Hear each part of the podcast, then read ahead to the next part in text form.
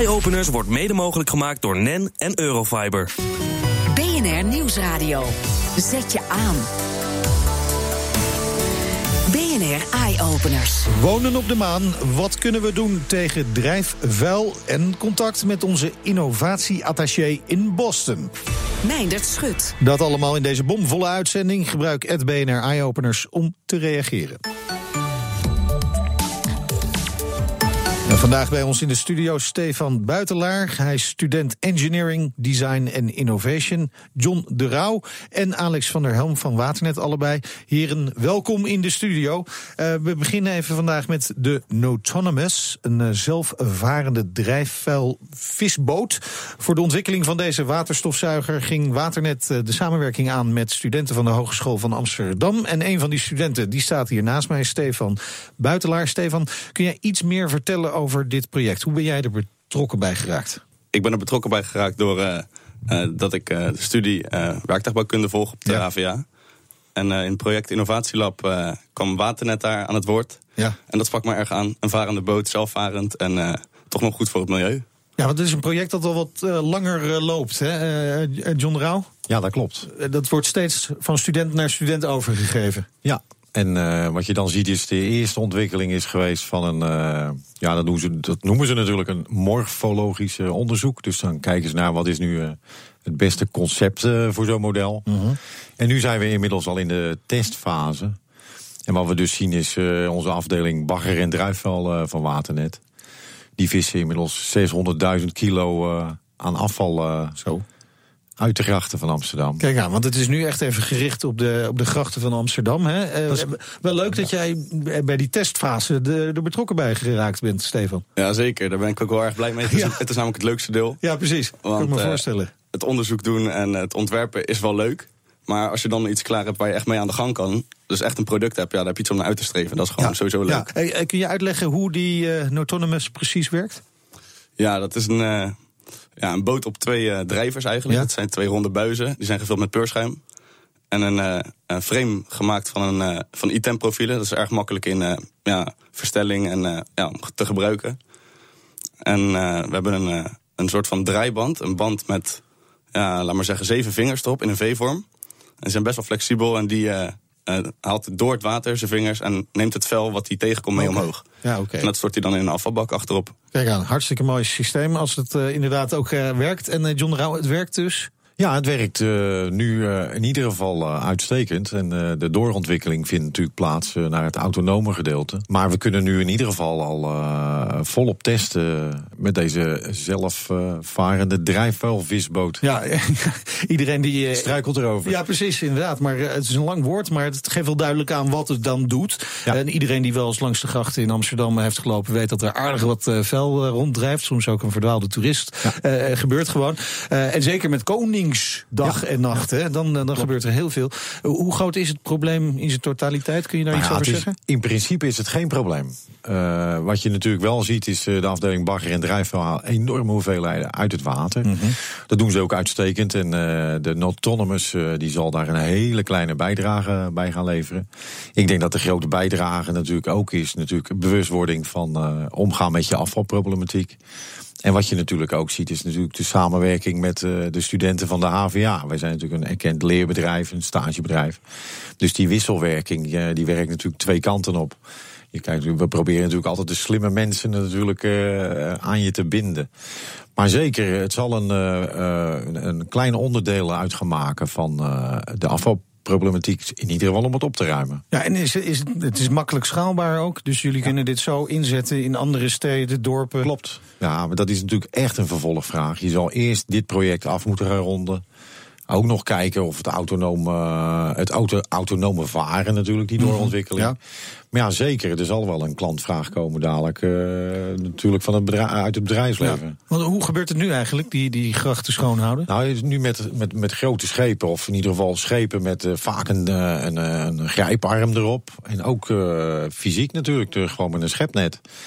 En je ziet natuurlijk ook op plaatsen nu uh, wat echt ondiep is, waar ze met een roeibootje het water in moeten. Ja, daar zou die natuurlijk specifiek wel voor oh, ja. ingezet ja. kunnen worden. Ja. Nou wordt het, het grachtenwater in Amsterdam steeds schoner. Klopt. Dat is al redelijk schoon. Uh, dan zie je dus ook veel, uh, veel vogels, hè, watervogels die tegenwoordig in de grachten weer leven. hoe, hoe ga je ermee? Worden die niet per ongeluk opgeschept, Stefan? Het is niet de bedoeling. Nee. we gaan er ook niet van uit. En, maar die eenden, die we, hebben erop, we hebben gezien dat ze in ieder geval goed reageren op dat ding. Ze gaan gewoon weg, ze zwemmen gewoon weg. ja, niet? ze zwemmen weg, ze vliegen ook gauw weg. Okay. Ik vind het uh, in ieder geval een eng ding. ja, een eng ding. Dus goed, maar dat is wel iets waar jullie op letten. Dat uh, natuurlijk uh, ja, de dat dieren klopt. gewoon veilig kunnen blijven zwemmen, kan ik me zo voorstellen. Ja, je wil natuurlijk een systeem ontwikkelen dat die natuurlijk afvallen herkent.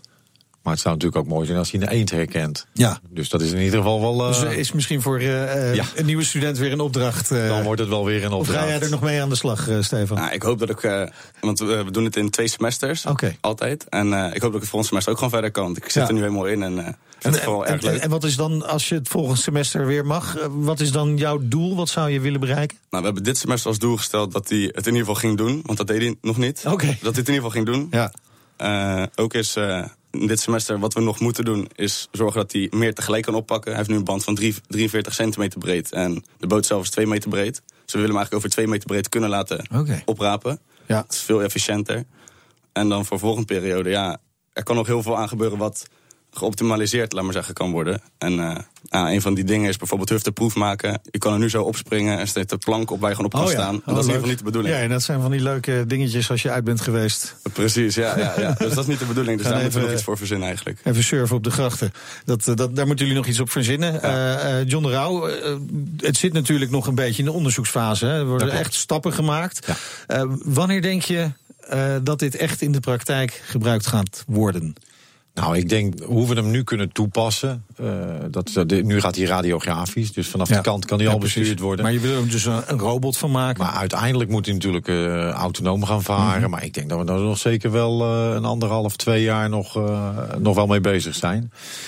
Maar ja, er zijn natuurlijk meer partijen die met het autonoom, maar niet het varen, maar dan wel natuurlijk Ja. op de weg. Ja. Er zijn natuurlijk grote stappen gezet. En ja, op het water is het dus pionieren Ja. wat we doen. En uh, op zich is dat natuurlijk uh, ontzettend leuk om te doen. Ja, maar er gaan dus nog heel wat semestertjes uh, er gaan nog wel eh, wat studenten die komen, er, komen nog voorbij. En uh, het, mooie dat het al toepasbaar is natuurlijk, in ieder geval vanaf de kant. Nou, wil je eh, ook hetzelfde vak als Stefan gaan studeren? Je hebt dus nog kans om mee te doen bij het de Notonomous. We komen straks terug bij de heren van Waternet. Dan gaan we het onder andere hebben over drones die ook gebruikt gaan worden en klimaatneutraal werken. Maar nu eerst wonen op de maan. Het is dichterbij dan je denkt en dat heeft alles te maken met de nieuwste 3D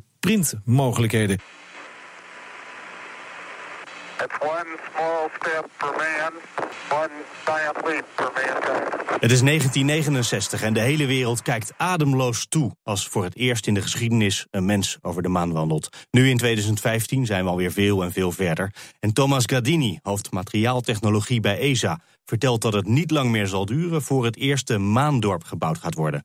En dat 3D-printen daarbij een enorm grote rol zal spelen. You send a 3D printer to the moon, and the 3D printer, using the dust that is already on the moon, meaning the moon regolith, prints the house, or the moon base in this case, completely automatically. So you don't have to bring with you any material, but you find it already on the moon. Maar ESA gebruikt de nieuwste 3D-printtechnologieën ook op een andere manier. Om er onderdelen voor ruimteapparatuur mee te printen bijvoorbeeld. Handig, maar ook nog eens behoorlijk duurzaam. Like in Stone Age, you started from a big stone, you remove material, and then you went to the shape you wanted. In engineering, we did exactly the same. We start from a big block of material, we remove the material we don't use, we waste it, until we get to the final shape. In 3D printing, you do exactly the opposite. You add material, as Mother Nature does, layer by layer, and so you can put material only where you need it. Maar niet alleen de ruimtevaart biedt dit enorme mogelijkheden, vertelt Guidini. Imagine bringing back this technology to Earth. So we have demonstrated with the moon base that you can print the dust that you find on the moon.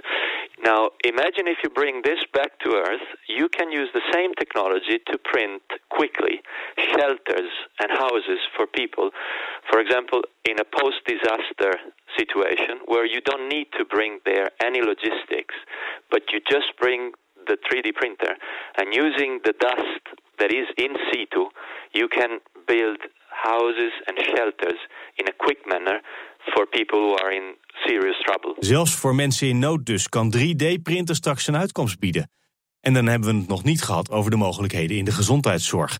De eerste functionele 3D-geprinte nier is al een feit. Iets wat ook tijdens een ruimtemissie weer van pas kan komen. Imagine for a long-term space mission, uh, you could then provide a sustainable life for really long-distant missions. Now, if you don't bring it back to Earth, imagine having uh, an organ 3D printed to your design using your own stem cells. You don't need to wait for a donor to have a kidney replaced, and the kidney has already your own design and shape because it's based on a CT scan of your own body. Maar voordat de wereld deze nieuwe manier van fabriceren, genezen en wonen in de armen sluit, moet eerst onze mindset nog wat worden aangepast. It disrupts the way we think, and we are yet not ready for that. Not completely ready. That's why we need to educate young minds that are much prone to innovation than our ones. I'm too old probably for that, um, unfortunately. I try very much. But I think the young minds, they are more prone to innovation, so they will pick up much more the benefits that we could gain from this technology and they will maximize them. En dat was Tommaso Guidini van de ESA over ja, wonen en werken op de maan, dat dus dichterbij komt via de 3D-printer. En zometeen dan praten we weer met de heren van Waternet. En dan gaan we het onder andere hebben over drones en klimaatneutraal werken. BNR Nieuwsradio. Zet je aan. BNR Eye Openers. We gaan verder praten met de heren van Waternet. Eh, zojuist hadden we het over de waterstofzuiger die zij ontwikkelden samen met de Hogeschool van Amsterdam. Maar het is niet het enige project waar ze mee bezig zijn. Eh, bij mij in de studio ook Alex van der Helm. Hij is adviseur watertechnologie. En jullie werken ook met drones. Ik zei het al. Uh, kun je daar iets meer over vertellen? Ja, daar kan ik wel meer over Ik denk drones die vliegen door de lucht. Wat hebben die met het water te maken? Ja, dat klopt. Um, nou, het is niet zo dat we er mee, al mee werken, maar we okay. doen er een onderzoek mee. Ja, ja. Het is inderdaad samen met uh, de Hogeschool van Amsterdam ook. Het is een tweede project. Zijn twee projecten die we doen. En uh, dit is een project inderdaad, uh, hij, hij, vliegt, hij vliegt door de lucht. En, en waarvoor hebben wij dat wel eens nodig? Bijvoorbeeld om een inspectie van een dak te doen waar we moeilijk bij kunnen. Dat hebben we okay. onlangs gedaan. En dan zie je dat je, dat je heel goed beeldmateriaal hebt. Kun je echt gelijk uh, analyseren van nou, hoe, ligt, hoe staat het gebouw erbij. Bijvoorbeeld gebouwen waar pompen in staan. Moeten we er wat mee doen of moeten we er wat, niks mee doen? En wat ook de HVA laten doen is dat we hem laten onderzoeken... om verschillende sensoren of camera's en ook een watername monsterhapper eronder te maken... om erop en eraf te kunnen klikken. Oh, Oké, okay, dat je niet voor elk uh, zaakje dat je wil onderzoeken... weer een aparte drone nodig hebt... maar nee. je kunt gewoon die camera's of die sensoren verwisselen. Precies, ja. En, en ook... Uh, we hebben het over water bij Waternet. En daarom laten we ook, we ook de HVA een soort drijver laten ontwikkelen. waarmee we met een drone op het water kunnen landen. En dan uh, om, om watermonsters uh, oh, okay. te nemen. Dus uh, ja. Oké, okay, en, en dat, dat biedt dus heel veel voordelen. Wanneer gaan die drones daadwerkelijk? Want dit is nu nog dus. Een, ja, het is een onderzoeksfase. onderzoeken. Ja, ja, precies. Eerst maar eens kijken hè, of, of, of we er goed gebruik van kunnen maken. En uh, wat het dan precies op gaat leveren. De testen doen. Ja. en dan, hey, je, zit ook, je hebt ook te maken met een aantal brevetten die gehaald moeten worden. Dus er zit, een heel, er zit nog wel wat haken en ogen aan. Ja. Dit is een eerste stapje om te kijken: van kunnen we robotica in onze, onze werkprocessen ja. efficiënter en veiliger maken met, uh, met dit soort nieuwe technieken, waar deze jongens van de HVA heel veel van af weten. Ah, leuk. Ja. Maar, maar uh, ik kan me voorstellen, een watermonstertje nemen, dat is toch niet zo heel erg moeilijk. Moet je daar echt een drone voor hebben? Je gaat toch gewoon met een roeibootje het water op? Even. Klopt, zo, zo gebeurt het ook vaak met een roeibootje. Maar het is precies wat je zegt. Hè. Als er geen roeibootje is, moet je een roeibootje meenemen. Je moet het water op. Als het slecht weer is, wat zo'n drone ook met aardig wat wind, kan hij toch heel goed uh, zijn plek vinden. Je kan okay. precies de GPS-coördinaat opnemen waar hij zijn watermonstertje neemt. Zodat je de volgende maand of het volgende half jaar weer op dezelfde plek het monster uh, heel eenvoudig uh, kan nemen. Dus dat zijn wel een aantal voordelen die je hebt. En je doet het lekker vanaf de oever. Ja, en je noemde een paar voorbeelden. Hè? dakinspectie waar je moeilijk bij kunt. Uh, uh, proeven van water, watermonsters nemen. Hoe, hoe, hoe ver reiken de mogelijkheden van de drones? Nou, dat, dat zijn we nu ook aan het kijken. Okay. Hè, van, wat, wat, wat kunnen we er precies allemaal nog meer mee doen? Welke werkprocessen kan het ondersteunen? Dus dat is nu echt. we hebben eerst even de, proef, de proef gedaan. Ja kan het, gaat het? En nou, nou moeten we kijken van waar gaan we het verder, uh, verder inzetten en eventueel uitbouwen. Ja, dus Nou. dat is de volgende, volgende fase. Dat, dat is meer, uh, dat moeten wij gaan doen. Ja, dan is het, voor- krijgen jullie ook werk. Eh, volop inno- innovatie dus eh, daar bij Waternet. Eh, laten we het eens even over die klimaattop hebben. Want eh, die is eh, begonnen hè, met Ja. eh, grote toespraken.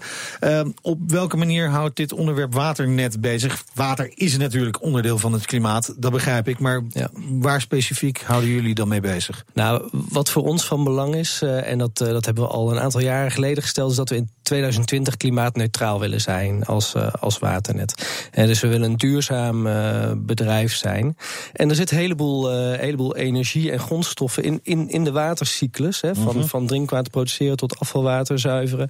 Dus en dat proberen we er zoveel mogelijk, zo goed mogelijk uit te halen om onze bedrijfsvoering te verduurzamen. Ja. Ja. maar kost dat niet heel veel energie? Eh, dat kost heel veel energie van Ja. heel veel mensen. Ja, ja klopt. maar ook om, En- al die grondstoffen eruit te halen. Ja, eh, het, het, het lijkt energie te kosten, grondstoffen eruit halen. Maar het levert, eh, we kijken juist naar de dingen waarbij we hebben grondstoffen eruit halen en wat energie oplevert. En ook bijvoorbeeld als je kijkt naar bijvoorbeeld grondstoffen, net als fosfaat. Ja, je hebt Is- een, je ja. hebt een vaatje, Ja. een fosfaatje meegenomen. Ja. Het, het lijkt een beetje op, op ja, keukenzout. Hè? Ja, het zijn kleine korreltjes eh, magnesiumfosfaat. Ja, Ja. Het is eigenlijk een soort korreltjes kunstmest. En zijn dit, dit komt echt. Ja, dit, Dit- komt echt uit. eh, het ziet er. Ja, Ja.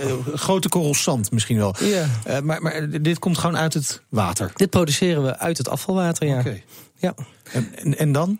En dan k- je kan het gebruiken als, eh, als kunstmest. Ja. Oké, dit- Ja. oké, als ik dit in de grond stop of eh, bij mijn Over plantjes je, oh, thuis. ja, over, je, over je gezonnetje krijg je een prachtig mooi groen oké. gezonnetje.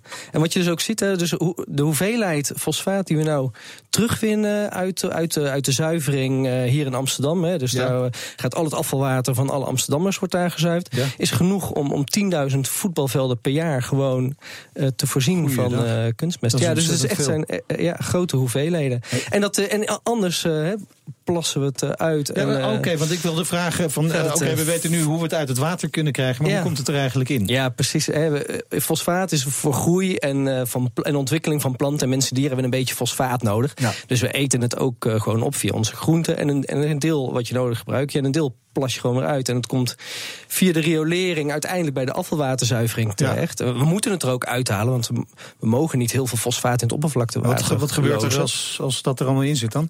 Eh, dan krijg je bijvoorbeeld heel veel eh algengroei als er Oh, heel veel ja, Er zijn hele strenge normen Ja. om, het, eh, om, het, om het eruit te halen. Dus dat, dat doen we dus ook. Maar nu kunnen we het ook nog weer eens uit de reststromen halen om het te hergebruiken. Kijk, nou, dat is Ja. natuurlijk een hele mooie stap als dat gaat lukken. Hoe ver zijn jullie ermee? Dit, nou, is aardig. dit is in 2011 zijn we de eerste potjesproeven met een student van de TU Delft begonnen. Kijk, eh, weer die studenten. weer die studenten. En nou, die hebben we aardig begeleid. En we hebben het op een gegeven moment eh, zijn er ontwerpen gebouwd. En het is nu gewoon gebouwd op full scale op onze, op onze afvalwaterzuivering eh, in West. Enorme installatie. En dit gaan jullie ongetwijfeld uitbreiden als dat succesvol is. Ja, nou, het wordt, het wordt nu al gedaan. eh, Eigenlijk al het, eh, al het deel wat we nu uit kunnen halen, halen we, halen we eruit. Ja, ja. Ja, eh, nou, als we het nu over klimaat hebben en eh, discussies daarin, dan gaat het heel vaak over CO2. Of nou over auto's gaat of, of eh, energiecentrales, maar ongetwijfeld ook in de waterzuiveringsindustrie. hoe, hoe belangrijk is dat voor jullie en wat kunnen jullie eraan doen om die CO2 eh, terug te brengen? Ja, dus eigenlijk al je activiteiten die je doet, die reken je weer terug naar, naar een Ja. CO2-uitstoot. Ja, precies.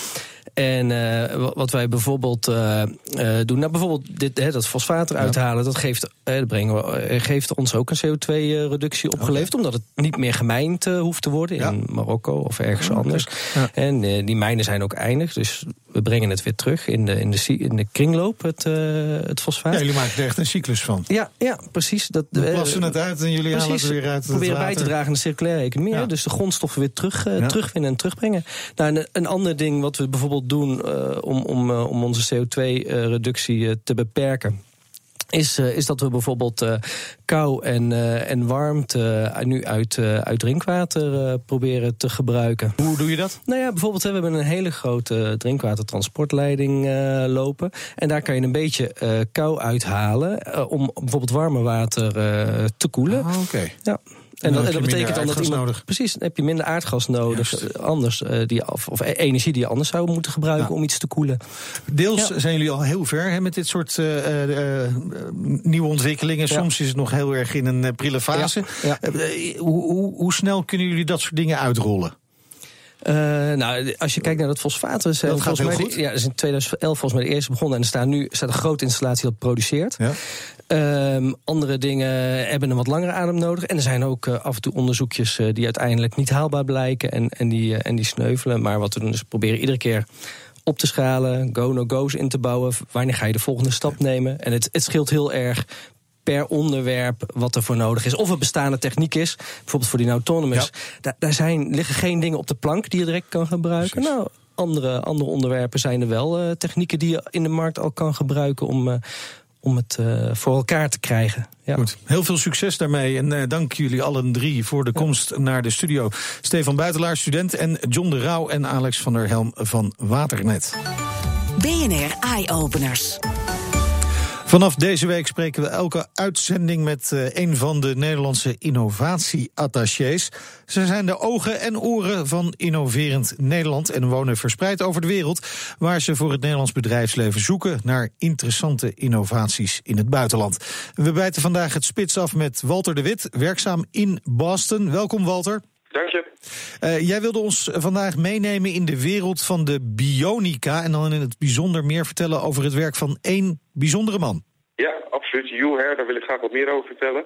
Ehm, als het goed is gaan we eerst even luisteren naar een klein stukje van zijn presentatie die hij vorig heeft gegeven in TEDx. Bionics explores the interplay between biology and design. As you can see, my legs are bionic.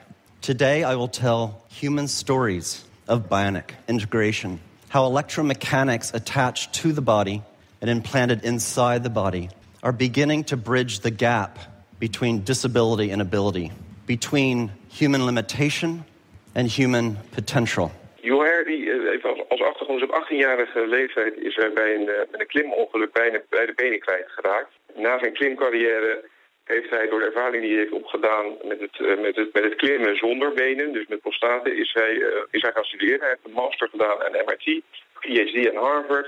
En uiteindelijk is hij directeur geworden van een biomechatronics group bij MIT. Eh, deze onderzoeksgroep richt zich op het ontwikkelen van wearable robotics. En dat is de wereld waar mensen en machine aan elkaar verbonden worden. Nou, het is toch wel heel bijzonder dat iemand zijn eigen bionische eh, benen heeft ontworpen. Deze meneer Her heeft dus duidelijk hele bijzondere dingen eh, bedacht. Maar daar stopt het niet, hè? Je, eh, kun je iets meer vertellen over de commerciële kant van zijn werk? Ja, een van de, van de hele bijzondere dingen die hij heeft gedaan is... is, dit, is dit is ontzettend fundamenteel onderzoek waar hij, waar hij ooit mee begonnen is. En hij heeft dat in betrekkelijk korte tijd richting de markt weten te, weten te brengen. Zo heeft hij een aantal jaren geleden een bedrijf opgericht, Bion. En Bion is, eh, eh, maakt bionische enkels en brengt die ook daadwerkelijk naar de markt. Dus hij heeft er inmiddels heeft het bedrijf heeft er al een stuk op 30, over 30.000 eh, duizend verkocht. Oké. En die zijn voornamelijk eh, gegaan naar ja, oorlogsveteranen die uit, uit Irak en Afghanistan zijn teruggegaan. En nou kijken wij natuurlijk wat we in Nederland hiermee zouden kunnen. Hoe ver zijn we in Nederland met dit soort technieken? En Nederland robotica. En als je dan echt naar de gezondheidszorg kijkt waar we het nu over hebben, dan zijn we in Nederland heel goed in de cure en de care robotica, bionica. We hebben een aantal zeer succesvolle onderzoeken en ontwikkelingen gedaan op het gebied van uh, specifiek van revalidatie. En dan met name revalidatie voor mensen die een beroerte hebben gehad. En denk dan aan uh, de TU Delft die er heel veel mee doet, Universiteit Twente, Roesing Research. Ja, dat zijn van die, van die zaken die wij dus ook in Nederland heel goed kunnen. Uh, we kijken in deze rubriek niet alleen maar naar de innovaties zelf, maar ook hoe erin geïnvesteerd wordt. Als je kijkt naar de manier hoe er in Boston geïnvesteerd wordt in innovaties, zie je dan een verschil met Nederland? Ja, op zekere punten zeker, zeker wel. Wat je ziet hier is dat er toch echt wel meer privaat geld beschikbaar is voor innovatie. Dus zo'n bio, zo'n zo voorbeeld van zo'n bedrijf uh, wat hij heeft opgericht, haalt makkelijker geld op, zou je kunnen zeggen, dan dat in Nederland gebeurt. Alhoewel ik ook wel moet zeggen dat je in Nederland daar wel wat veranderingen in ziet, uh, ziet komen. Goed, we praten dus wel een uh, beetje mee als het gaat om innovatie. Dankjewel Walter de Wit, innovatieattaché in Boston. Volgende week maken we contact met andere innovatie-hotspots. Wil je meer weten over het werk van het innovatie-attaché-netwerk? Kijk dan op onze website. Tot zover deze uitzending op bnr.nl slash eyeopeners vind je veel meer informatie over innovaties met impact. En via Twitter, het BNR Eyeopeners, houden we je dagelijks op de hoogte. Terugluisteren? Ook dit programma vind je terug in de BNR-app.